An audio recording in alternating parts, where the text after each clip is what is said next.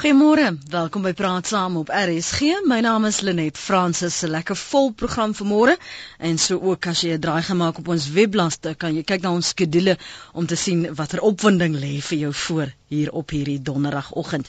Wel Suid-Afrika het byna meer as 50 000 werksgeleenthede in die eerste kwartaal van die jaar verloor. Arbeidsmakelaars het sowat 'n miljoen mense met 'n werk gehelp. Al was dit ook nou tydelik.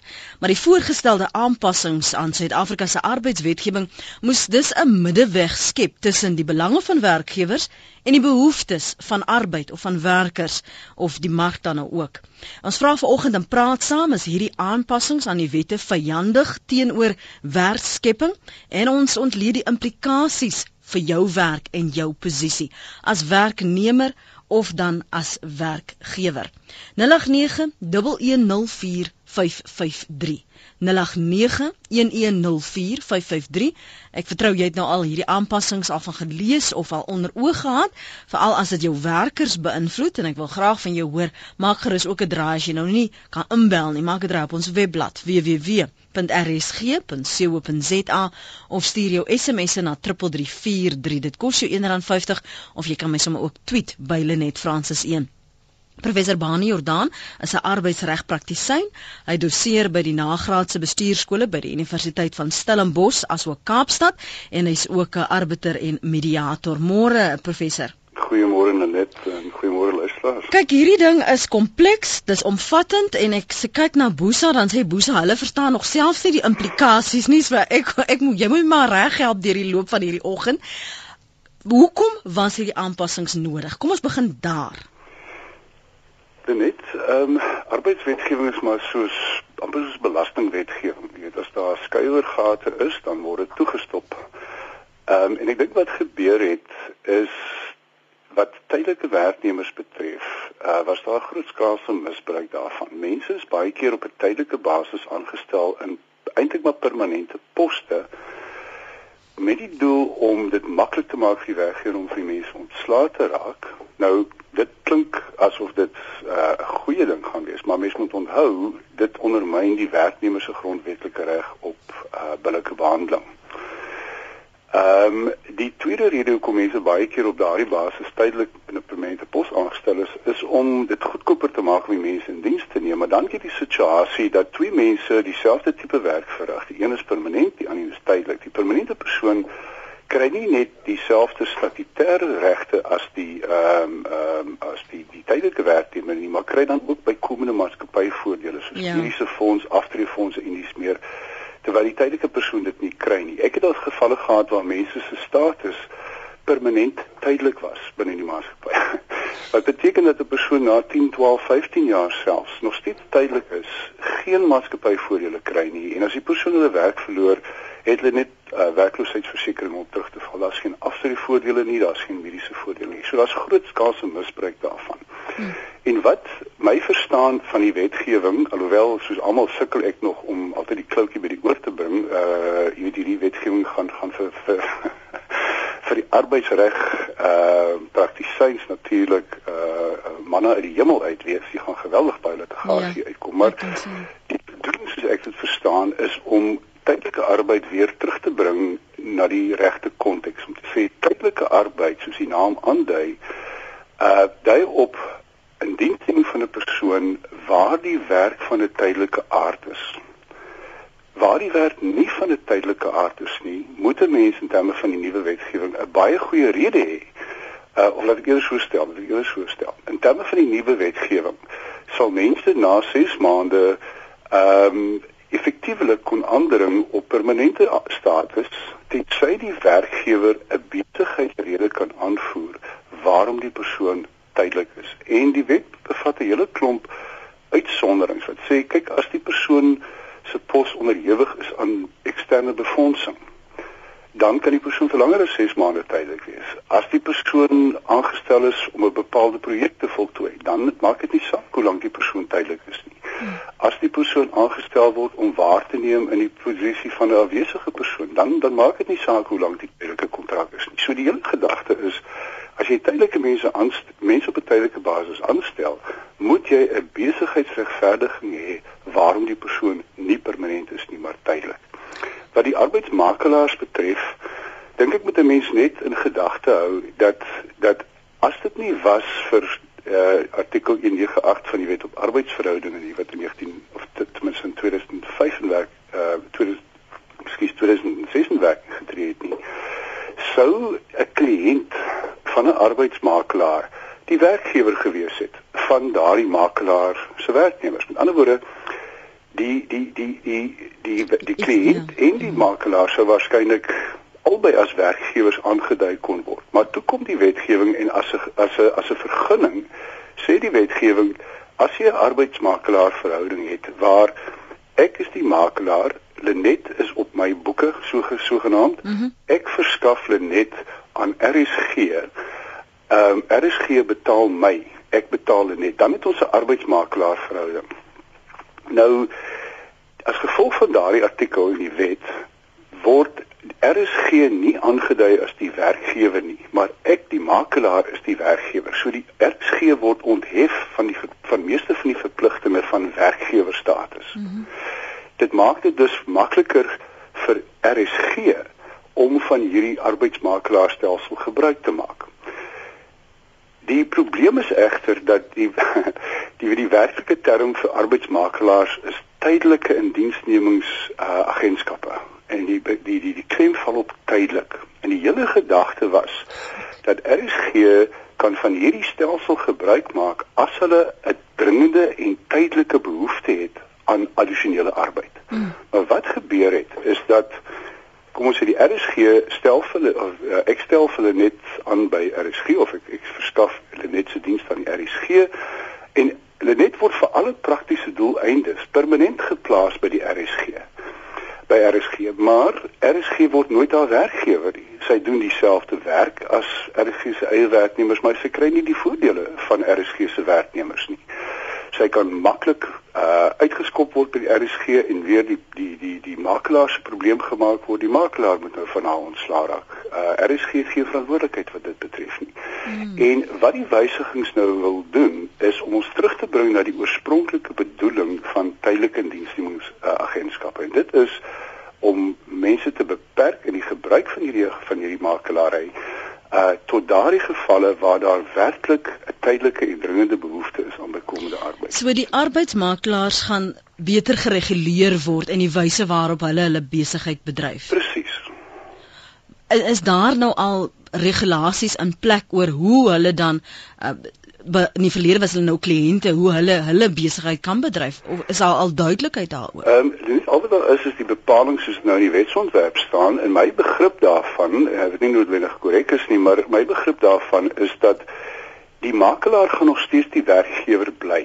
Mhm. Mm maar as die makelaar as hy net vir langer as 6 maande by die by RSG geplaas word, dan word RSG geag haar werk haar werkgewer te wees. Ek bly nog steeds die werkgewer, maar nou word RSG geag die werkgewer te wees. RSG word nie die werkgewer nie, maar kry nou dieselfde verantwoordelikhede as die werklike werkgewer van die Ek hoor jou. Ek hoor jou. Ek ek wil jou tog vra waar jy kan omdat dit so kompleks is en omdat ons nog baie onduidelikhede het in terme van interpretasie, hmm. daar waar jy kan jy dit vir my moet vereenvoudig hmm. as dit moontlik is, want ek wil nie ons luisteraars verloor nie. En en, en ek sal vir jou vra vir duidelikheid as ek onsself onseker is. Maar as jy wil saampraat vanoggend, ons praat oor hierdie uh, aanpassings aan ons arbeidswetgewing, die implikasies daarvan veral vir tydelike werkers, werkgewers, werknemers Um, en dan natuurlik arbeidsmakelaars. Jy kan saampraat. Jy het nou 'n lang lekker lang uh, omvattende inleiding gehoor van my gas vanoggend professor Bani Jordaan. Praat gerus saam indien daar vir jou onduidelikhede is. Hier's 'n SMS wat nogal vir my verblydend is. Um die luisteraar skryf het nou 3 maande beklei vir voordele van tydelike halfdagpos in die staat het gewen. Nou hierdie tydelike word in aanhalingstekens geplaas. Jy kan saamgesels 0891104553. Jy kan 'n draai maak op ons webblad www.rsg.co.za. Jou SMS is welkom by 3343. Dit is R1.50. Dis wat dit jou gaan kos, maar jy kan my ook tweet by Lenet Francis 1. En ek neem aan jy het as jy bel vanmôre, het jy nou al hierdie uh aanpassings onder oog gehad of jy ten minste nou gelees, soos jy nou 'n bietjie duideliker oor die implikasies daarvan uh, voor ons verder praat. Johan Moore, jy's in Belfast. Goeiemôre. Môre. Uh, net uh, dat is wat, ekskuus man, dis wetgewing. Niemand kan stry nie.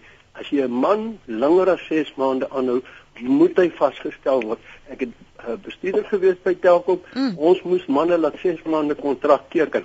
Anders moet jy hom aanstel. En nou kry jy die onderwysers. Daar's so verskriklike kom ons sê nou maar daardie tydelike onderwysers ja. Tydelike onderwys. Nee, nie tydelike dan moet 'n onderwyser kom. Maar hulle word as tydelik aangestel. Dan word hy mm. nee, hy word nie. Hy sit vir jare in daai pos en hy sit 'n beheerraadspos. Hulle noem dit so in. Dit is wat verkeerd is. Daai onderwyser voel asof hy soms so 'n sekondêre mens is. Hou net vir my aan toe, Johan, kan jy aanhou? Ja, ja baan nie die implikasies van daardie onderwysers daardie tydelik want by baie skole gebruik van hulle en mag gebruik van hulle diens en elke jaar word net vir hulle gesê ons kyk ja. nou weer daarna daar's nie eintlik 'n pos nie maar kom ons het jou dienste nodig so ons hernie net die kontrak. Goed net gou teruggaan daar daar is nie 'n wet soos jy luisteraar sê wat sê mense moet na 6 maande permanent afstel word nie. Dit was daar waarskynlik die reëling binne Telkom. Dit is dit is hulle eie reëling. Op hierdie stadium is daar geen plig om enigiemand permanent aan te stel nie. Wat gaan gebeur as die wysigings deurgaan is dat as mense langer as 6 maande in diens is op 'n tydelike basis, moet die werkgewer daardie voort uh, voort voortgesette tydelike status kan regverdig, soos ek soos ek aangedui het. As die werkgewer dit nie kan regverdig nie, dan sou die werknemer kon sê, maar luister, dan is daar mos nog geen rede hoekom dit tydelik is nie. Ek moet nou as 'n permanente werknemer beskou word. Hierdie stadium is dit nog nie wet nie, maar ek weet daar is binne sekere maatskappye sekere beleide wat sê ons wil nie mense langer as 'n sekere aantal maande in tydelik kan nie, dan moet ons of van ontslaa raak of permanent aanstel. Maar wat die onderwysers betref, dit gaan hulle ook raak. Ehm um, jy weet jy gaan nie 'n onderwyser langer as 6 maande uh, tydelik kan kan aanstel tensy daardie persoon byvoorbeeld net in 'n waarnemingssodanigheid aangestel is. Die mm. die onderwyser wie se pos dit is, is miskien op kraamverlof of siekverlof en nou word hy tydelik aangestel om waar te neem. Maar as die onderwysdepartement nie 'n uh, 'n besigheidsverwante rede, 'n goeie rede kan aandui waarom hierdie onderwysers tydelik is nie, dan dan gaan hulle permanent moet aanstel. En ek dink dit is heeltemal reg so. Ja. Net ek kan vir ons praktiese voordele. My dogter is al jare daar, 'n heerraadspos. Sy kry glad geen voordele nie. En toe was die bewering, nee, maar die regering betaal of die departement spaar duisende rande deur tydelike. Ons kan in die Oos-Kaap dink bietjie aan daai uh, uh ja, ge, ja. geding is in die oop oop met daai mm. aanstelling. Dankie hoor. Dankie vir die saampraat Johan, ons waardeer jou oproep. Uh, ek bedryf 'n eie besigheid en het nie 'n mediese fonds pensioen of uh, UIF nie. Waarom moet dit vir werknemers noodwendig geld? Dis anoniem se SMS daar nie. Ja, daar wel daar's niks wat jou verplig om mediese fonds of pensioenfonds voordele te gee nie. Wat jy wel moet gee is natuurlik werkloosheidsversekeringsvoordele. Dit is statutêre voordele, maar maar die punt is net as jy vir jouself goeie mense materiaal wil wil wil lok na jou besigheid. Mm Ehm um, hoekom sal hulle by jou kom werk as hulle voordele kan kry by ander maatskappye wat hulle nie by jou kry nie? Dit dit is nou maar net die die logiese uitvloeisel van daardie van daardie houding. Daar's nou twee vrae wat ek het oor hierdie status van tydelike werkers. Hoe is dit anders as kontrakwerkers wie se se kontrak elke jaar net hernu word? OK. Dan net daar staan verwarring oor die begrip kontrakwerkers alle werknemers is het 'n kontrak of dit nou op skrift is of 'n mondelinge kontrak of selfs 'n stilswyne kontrak. As jy jou dienste aanbied vir iemand teen vergoeding en daai persoon kan vir jou instruksies gee, dan is jy 'n werknemer. Daar is 'n kontrak. Ehm um, al is dit nie op skrif nie. En onder daardie kontrak is is al in die wetgewing onmiddellik op jou van toepassing. As ons praat van kontrakwerknemers, dan praat mense baie keer van uh, as kontrakwerkers word soms um, um, as 'n sinoniem gebruik vir werkers wat deur arbeidsmakelaars verskaf word of as 'n sinoniem vir tydelike werknemers. So mens moet altyd duidelik wees waarvan praat 'n mens. Dit klink vir my waaroor die luisteraar praat is jou tipiese tydelike werknemer. Jy's aangestel op 'n tydelike basis vir 'n jaar. Ehm mm um, so ons praat eerder duidelikheidshalwe van van tydelike werknemers versus permanente werknemers of ehm um, eie werknemers teenoor die werknemers van arbeidsmakelaars wat in my diens is. Mm. Jy kan saamgesels. Ek sien nou is Magda in Appington wat aanhou.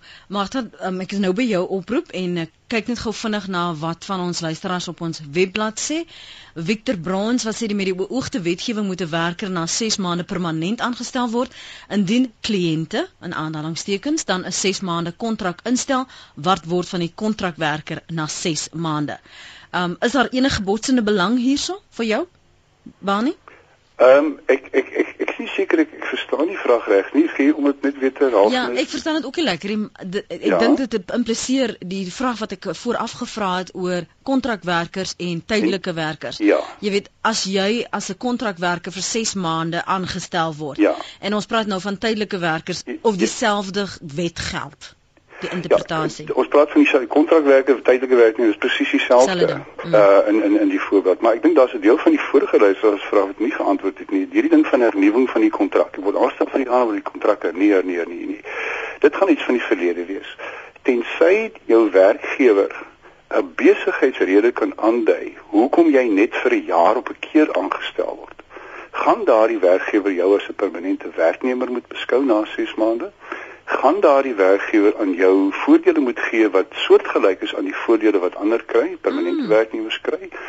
Ehm um, en gaan daardie werkgewer nie bloot van jou ontslae kan raak net omdat jy 'n tydelike sogenaamde tydelike status het nie. Ehm um, so so daardie daardie proses van net die kontrakte oorrol van tyd tot tyd, dit gaan dit gaan tot 'n einde kom. Kom ons hoor gou wat sê ons twee luisteraars en dan uh, brei ons bietjie uit op die regte van arbeidsmakelaars en implikasie van arbeidsmakelaars in die werkplek en die werksomgewing. Magda, môre welkom by Brandsaam. Goeiemôre. Uh baie dankie vir die geleentheid. Ek wil tog net 'n vraagie vra. Ons is op hierdie stadium sewe mense wat um, in 'n kantoor werk. Uh ons werkgewer was vir uh, of is net waarnemend aangestel. Uh ons wil graag weet as hy die poste is toe nou weer geadverteer, hy het aansoek gedoen daarvoor. Ons weet nou nog steeds nie wie die werk gekry het nie. Maar nou wil ek net graag weet vir hierdie sewe van ons wat nou al 3 jaar waarnemend in sy kantoor werk, wat sal ons nou te doen staan sou hy nou nie die permanente pos kry nie want hy was nou ook net waarnemend gewees. Mm. Goed, dis dis 'n baie baie goeie vraag, 'n gereelde vraag wat 'n mens kry. Ehm um, jy is in jy's in twee posisies. Jy's permanent aangestel by die werkgewer, maar jy word tydelik benut in hierdie vakante pos, as ek reg verstaan. Ja. Jou status ja. is nog steeds die van 'n permanente werknemer. Jy het geen reg op die pos waarin jy waargeneem het nie. Wat jy wel het is uh, die reg om aansoek te doen wanneer daardie pos uh permanent beskikbaar gestel word en jy het die ja. reg dat jou aansoek billik geëvalueer word. Ehm uh, dat dat hulle dieselfde kriteria gebruik teenoor jou aansoek as wat hulle gebruik in die aansoeke van die ander mense. Dat hulle dieselfde mate van gewig verleen aan aan die kwaliteit van jou aansoek en jou meriete as wat hulle verleen aan die van ander. So jy die reg op gelyke behandeling uh in jou mededinging vir daardie pos, maar jy's nog steeds nie geregtig op die pos nie. Die enigste tyd wanneer jy kan sê die pos is myne is wanneer daar 'n ooreenkoms bestaan met die werkgewer dat jy daai pos gaan kry. Uh maar in jou situasie ehm um, is is ja geen reg op op op op aanstelling in daardie in daardie vakature nie. Jy het net die reg op gelyke behandeling. OK, baie dankie. Goed. Dankie. Totsiens. Magte daar op Appington kan ek net ook vir die luisteraars herinner dat dit is baie moeilik om individuele sake op lig te hanteer want baie keer is daar nie al die inligting nie. Ons kan nie konsultasie op lig hou nie. So ek gaan jou vra waar jy kan asseblief praat oor die voorgestelde aanpassings en wat jy gesien het en as jy daar onduidelikheid het dat ons dit so bespreek want dan bevorder dit ons almal. Ons kan ongelukkig nie konsultasies op lig hou nie. Jacqueline sê ek werk as 'n arbeidsmakelaar en dit hang af van die kliënte vir die rate per huur vir die werker en wat hulle gee, dis wat die werker kry. En dit hang ook af van hoe die werker die diens lewer sodat hulle permanent aangeneem kan word. Daardie aanstellings wanneer jy um aan in die begin dan sê hulle vir jou jy vir 3 of vir 6 maande kyk eh, is dit voorwaardelik ons kyk eers hoe jy vorder. Is dit nie 'n skuiwergat vir Absoluut. vir ontslag nie? Ehm um, en en dit en wat wat ehm um, binne die eerste 6 maande sal sal so iets waarskynlik nie problematies wees nie. Uh van die arbeidsmakelaar of die kliënt se kant af nie. Na 6 maande gaan dit egter 'n probleem word. Uh want dan word die persoon in elk geval geag om die werknemer te wees van die van die kliënt. Die kliënt gaan dan nie sommer net vir die persoon kan sê luister, ek het jou geweeg in te lig bevind nie. Die kliënt gaan moet aantoon dat daardie daardie arbeidsmakelaar se werknemer op dieselfde manier hanteer is in die oorweging en die evaluering van daardie persoon se gedrag, prestasie en die. Hmm. So daai persoon word vir alle doeleindes gesien na 6 maande uh as op dieselfde vlak geregtig op presies dieselfde billike behandeling as die werk die kliënt se werknemers. Maar 'n groter probleem is dit dat baie werkgewers stel mense direk aan op 'n tydelike basis met die doel om hulle later permanent te maak as hulle as hulle goed uh presteer. Weereens daar is geen op hierdie stadium geen probleem in beginsel nie daar gaan ook onder die nuwe wet geen probleem wees nie. Daar word spesifiek in die nuwe wetgewing voorsiening gemaak dat jy 'n persoon vir tot 6 maande op so 'n proefperiode kan aanstel. Die probleem is egter dat baie werkgewers omdat die persoon nou se status as tydelik gesien word, nie as 'n permanente werknemer onder 'n proefperiode nie, maar as 'n tydelike werknemer wat dalk permanent aangestel kan word, raak hulle 'n bietjie laks in die presteer met die bestuur van daardie persoon se prestasie. So as werkgewer sit ek terug, ek sê kyk, as ek nie vir hierdie persoon hou nie, gaan ek elk van na 6 maande vir hulle moet loop. Ek hoef in die tussentyd niks te doen nie. Ek gaan maar net hierdie persoon uitkyk en kyk hoe hulle presteer. As dit nou regtig sleg gaan, dan gaan ek hom miskien ontslaan voor die 6 maande verby is. Mm -hmm. Anders sal ek maar net terugsit en kyk hoe hulle presteer. En ek doen dan niks aan die persoon se prestasie nie en ek sê net vir die persoon na die einde van 6 maande, "Jong, jy was tydelik jou tydelike kontrak verstryk." En nou stel ek maar die volgende persoon aan in daardie pos op tydelike basis. As daardie werknemer dan na die KVBA toe gaan, sal die kommissaris sê, "Maar luister, hierdie is eintlik 'n skuiwergat. Hierdie persoon is vir alle praktiese doeleindes 'n werknemer aangestel vir 'n proefperiode." Tydens die proefperiode is daardie persoon geregtig op presies dieselfde regte met betrekking tot billike behandeling en ontslag as enige ander werknemer. Uh ten minste wat jou jou jou jou prestasiebestuursprosesse en dies meer betref. Hmm.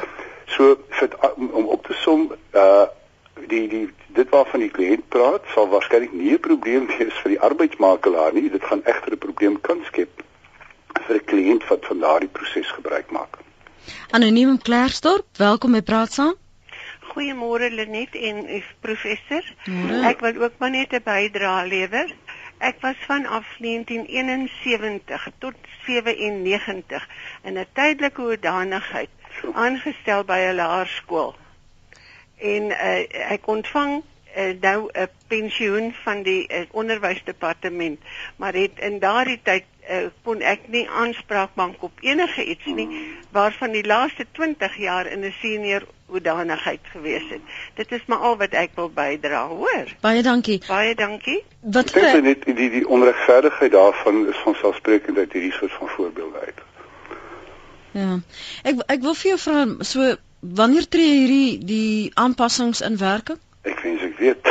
Want want weet jy jy onthou? Dis daar's onsekerheid. Ons vermoed maar daar's baie onderhandeling aan die op die kantlyne aan die gang rondom hierdie wetgewing. Mens moet onthou dat ons arbeidswetgewing was nog altyd eintlik maar die produk van of sedert uh, in 1994 die produk van onderhandeling by by Netlek. Uh hierdie keer en as gewoonlik 'n groot mate van ooreenstemming bereik. Hierdie keer is daar nie ooreenstemming oor al die aspekte van die wetgewing nie en die departement van arbeid het besluit wel dan gaan ons nou maar self besluit hoe van hierdie bepalinge daar uitsien en ek dink dit gaan waarskynlik veroorsaak dat die die die die ongelukkigheid wat daar bestaan omdat daar nie ooreenkomste bereik was nie op hierdie stadium miskien in die agtergrond besig is om af te speel beide van van werkgewerskant af en en en van vakbonde se kant af. So maar ek hoor maar so deur die deur die deur die ehm uh, uh, lyne dat September maand lyk my mag 'n moontlike datum wees, maar ek kan dit glad nie bevestig. Maar jy weet die departement van arbeidswetgewing het deur al die provinsies nou getoer, né? Ja, ja maar word dit 'n voldonge feit wat ja. die departement betref, maar dit gaan nie wees nie. Mens het klaar gehoor dat Kusatu druk op die regering uitgeoefen het om om om die beperkings op stakings van die beperkings ehm um, uh, uit te haal uit die voorgestelde wetgewing uit. So dis nog glad nie 'n voldonge feit. Ek wil vir jou vra, ekskuus om jou te onderbreek, Boesa se se persverklaring wat hulle sê dat die balans in arbeidswetgewing versteur is deur al hierdie wysigings. Wat sê jy daarop? Ek ek is ek is ek is nie so seker nie. Jy weet, ehm um, as die wetwysigings deurgaan soos dit uh tans staan, dan is daar ehm um, dan soos aangedui wat tydelike werknemers arbeidsmakelaars betref word soos ek die wetgewing verstaan word werkgewers maar blootgedwing om terug te gaan na die oorspronklike bedoeling met die aanstelling van tydelike werknemers en arbeidsmakelaars se werknemers dis tydelike diens die tweede punt is dat die daar is heelwat nuwe beperkings op die reg om te staak. Ja, ek het gesien. En en wat my betref, ehm um, kan dit net ten gunste van werkgewers stel.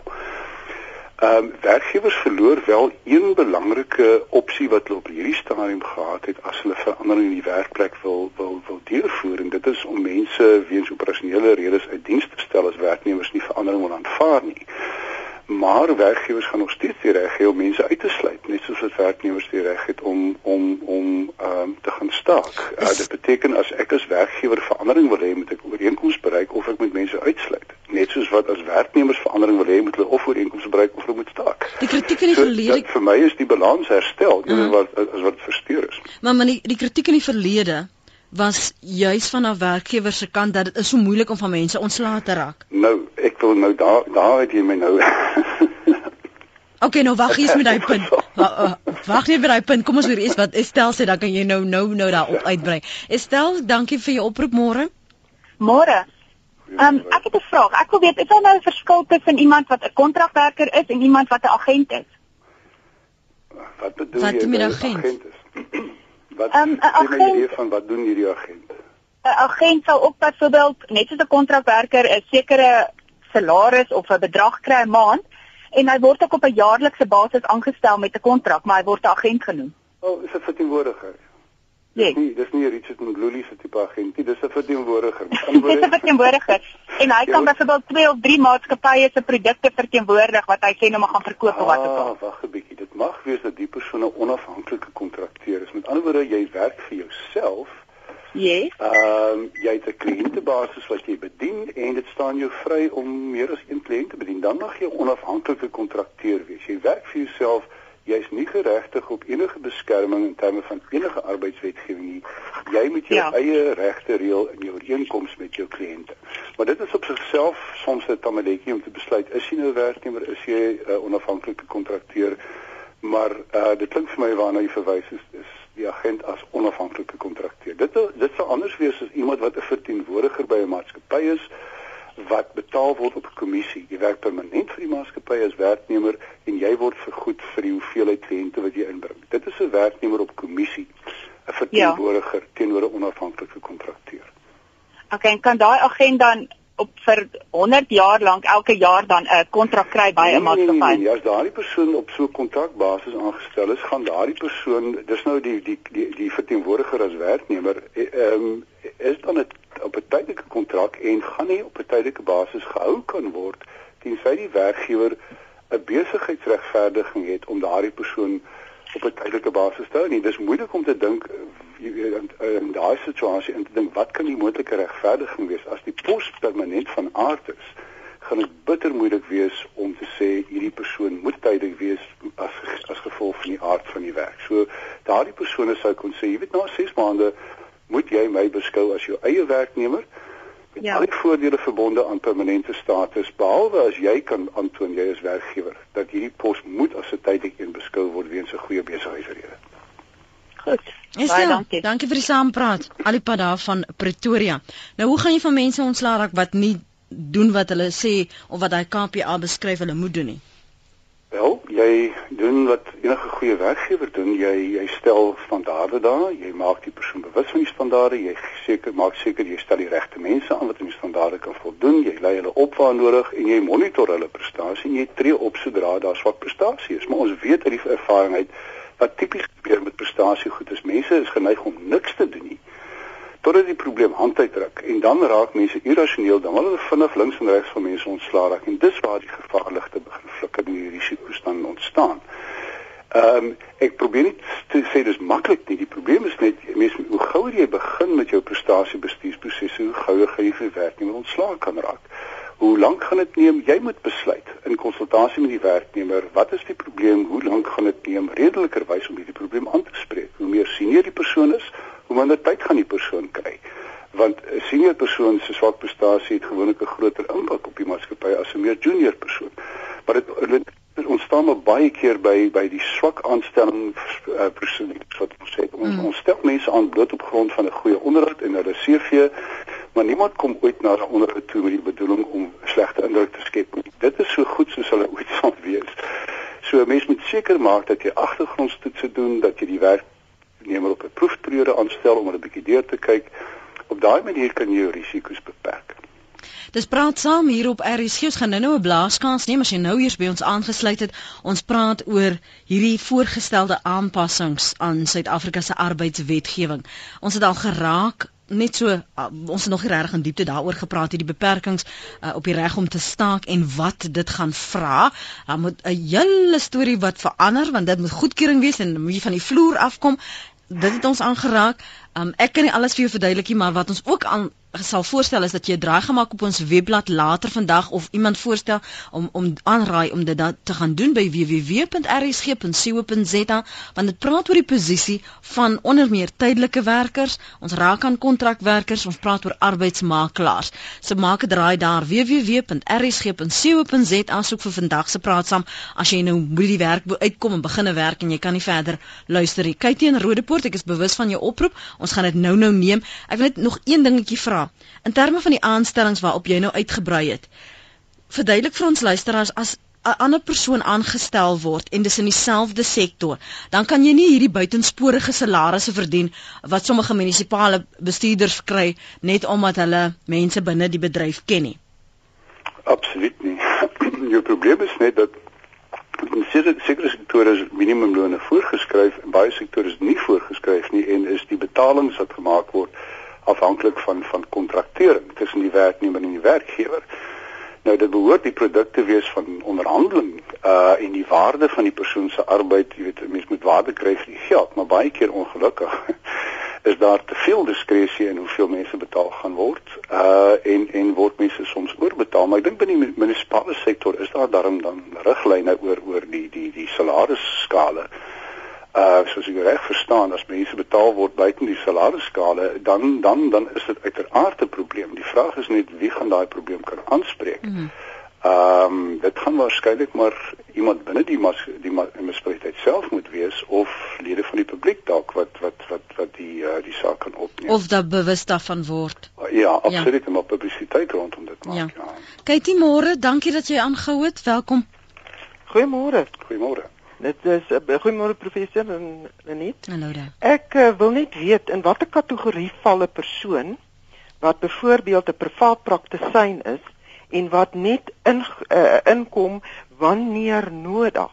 So met ander woorde, jy's nie eintlik 'n kontrakwerker as sulks nie en jy is ook nie 'n tydelike werker nie. Goed, daai goeie punt.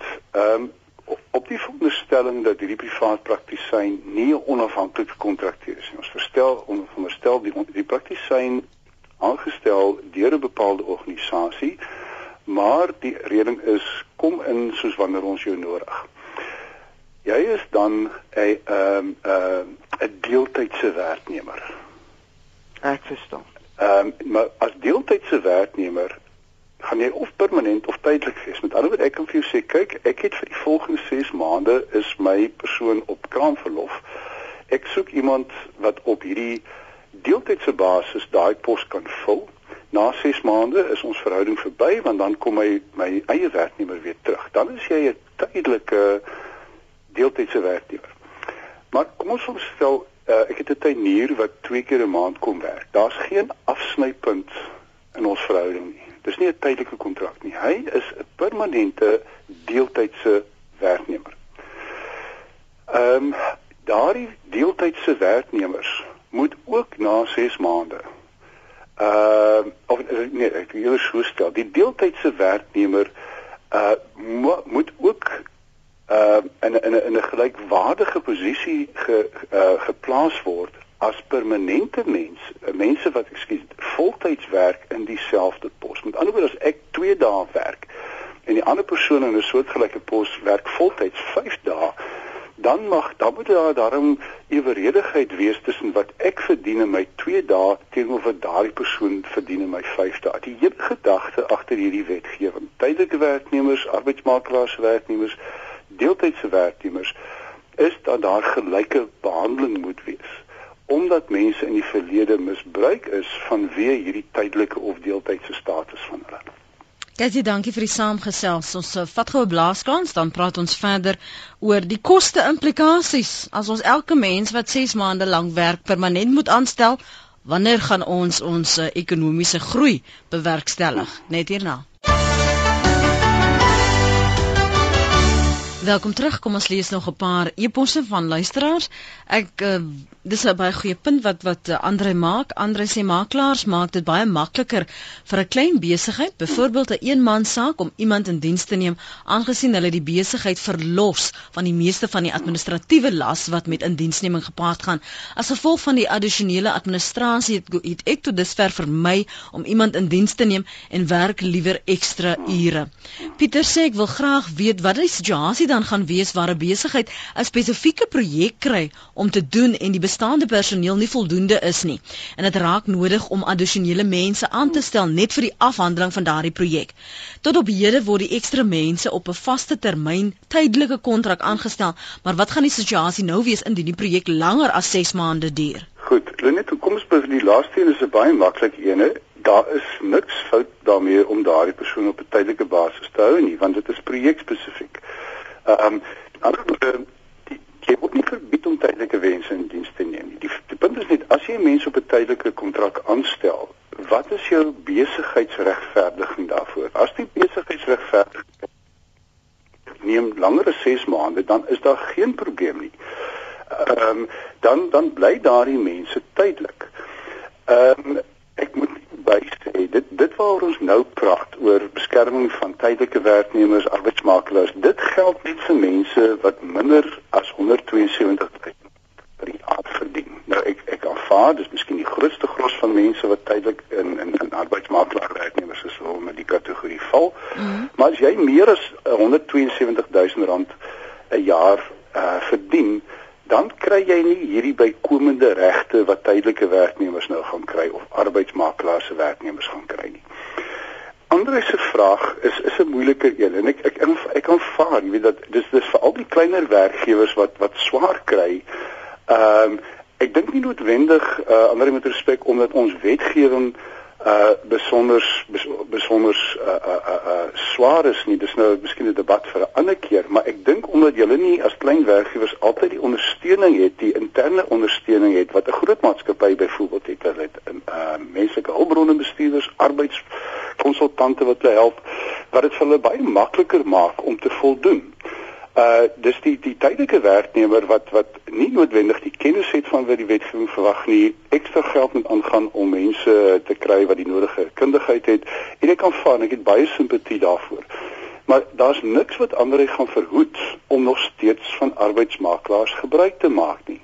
Al wat hy sal moet besef is dat na 6 maande word hy vir alle praktiese doeleindes geag die werkgewer te wees op hierdie stadium is hy wat ander is reeds verantwoordelik daarvoor om toe te sien dat die arbeidsmakelaar die mense die oortydlone betaal waarop hulle geregtig is, die minimumlone waarop hulle dalk geregtig mag wees, verlofgelde betaal. Ander is reeds in terme van die huidige wetgewing moet hy polisie man speel om seker te maak die arbeidsmakelaar doen wat hy moet doen. Want as die arbeidsmakelaar nie die mense betaal wat hy toekom nie, gaan ander die gelag moet betaal. Hmm wat Andre gaan bykry onder die nuwe wetgewing is hy gaan ook nou moet instaan daarvoor as die arbeidsmakelaar die mense wat by Andre werk onbillik ontslaan. So Andre gaan nie meer kan sê vir die arbeidsmakelaar, jong luister, hierdie persoon wat nou by wat jy vir ons gegee het is totaal hopeloos, vat hom weg en raak van hom ontslaan nie. As die arbeidsmakelaar nou van daai persoon ontslaa raak, met ander woorde, hy kan hom nie elders plaas nie, hy ontslaan hom, dan word Andre en die makelaar aanspreeklik gehou vir die ontslag van daardie persoon. So Andre gaan moet toesien dat dat voordat hy vir 'n makelaar sê jong hierdie persoon is is is hopeloos, gaan hy vir daai makelaar moet sê ons moet nou sit en en besluit hoe gaan ons hierdie persoon se swak prestasie hanteer of ek wil nie hierdie persoon hê nie jy moet hierdie persoon se swak prestasie nou hanteer mm. volgens die statutêre riglyne want ek wil nie daai verantwoordelikheid hê nie. So niks gaan hom verhoed om van dit gebruik te maak nie. Niks verhoed hom om om al sy werknemers deur arbeidsmakelaars in diens te stel. Hy gaan net moet besef dat hy ook soos enige ander werkgewer die verantwoordelikheid gaan moet hê om te seker te maak dat mense se regte beskerm word. Jacques in Kaapstad? Môre lê net môre baan, môre. Ehm gegee die huidige ekonomiese toestande, ehm um, dink ek hierdie wetgewing is briljant. Ehm um, jou vraag aan die begin net dink ek net dit is belangrik om te beklemtoon dat die werksverliese is nie as gevolg van die arbeidswetgewing nie dit is as gevolg van 'n gebrek aan mededinging. Ah. Ehm um, en ek weet van so integrasies is ook oor net ook verder ter aansluiting een van sy topstudente in sy ar, uh, arbitrasie mediasie kursus het net daai ehm uh, meeste straatstudies in arbeidsreg bevind dat die wetgewing is van die beste wetgewing op die boeke en dit is nie 'n probleem om vir iemand ontslae te raak nie. Natuurlik weens swak prestasie nie in 'n sterre redes nie uh die wetgewing word net nie reg geïmplementeer deur werkgewers nie. Hmm. Dan net 'n laaste opmerking en dit is dat ehm um, ek dink soos ek gesê die wetgewing briljant dit raak ook aan die gebrek met uh arbeidsmakelaars en ehm um, ek dink as ons die ander wetgewing waaroor die parlement uh of dan die spreker ongister uitgespreek het wat gebruikig is as ons daai dinge begin bydring in die redtyd uitskakel. Sal ons soveel werk skep dat julle julle oë nie sal doen. Maar ons moet meer dinge word. Dankie julle, mooi dag. Dankie Jacques daar in Kaapstad. Kan ons antwoord op uh, Ja, ons moet stil staan by by ekonomiese groei want um Pravin Gordhan het ook gesê, jy weet, hy hy voorsien nie meer as 5% nie. Hmm. En as jy nou kyk na die realiteit, ons wil werk skep.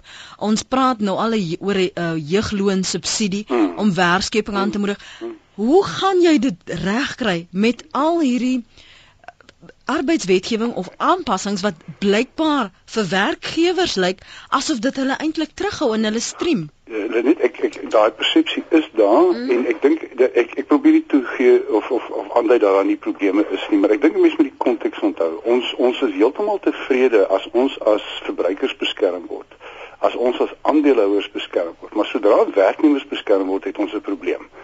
So ons moet konsekwent wees oor die feit dat daar's geen arbeidsmark enige plek wat nie gereguleer is nie. Ons kan lank debatteer of ons te veel of te min het die regte tipe regulering het, maar regulasie is 'n feit in enige plek. Dit is die een ding. Die tweede ding is dat dit is nie net arbeidswetgewing wat dit moeilik maak vir al vir klein werkgewers nie. Daar is letterlik tientalle wette en regulasies waarin jy moet voldoen om 'n besigheid te begin en te bedryf. Dit dra by tot die koste van die onderneming. Ehm um, ons as ons as ons begin om arbeidswetgewing te verslap, dan moet ons dit ook deurtrek na ander wetgewing wat die besigheidswêreld verbureaukratiseer. Dit vat maande hier om 'n besigheid te registreer. As jy Singapore toe gaan, vat dit jou 24 uur. Ehm um, ek wil wat my nie vertel dat dit moeilik kan wees hier as daar nie.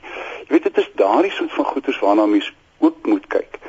Maar wat net aan te sluit by Jacques, ek dink daar's daar's my verskeie probleme wat bydra tot die hoë vlak van uh geskille wat byvoorbeeld by die KVB eindig.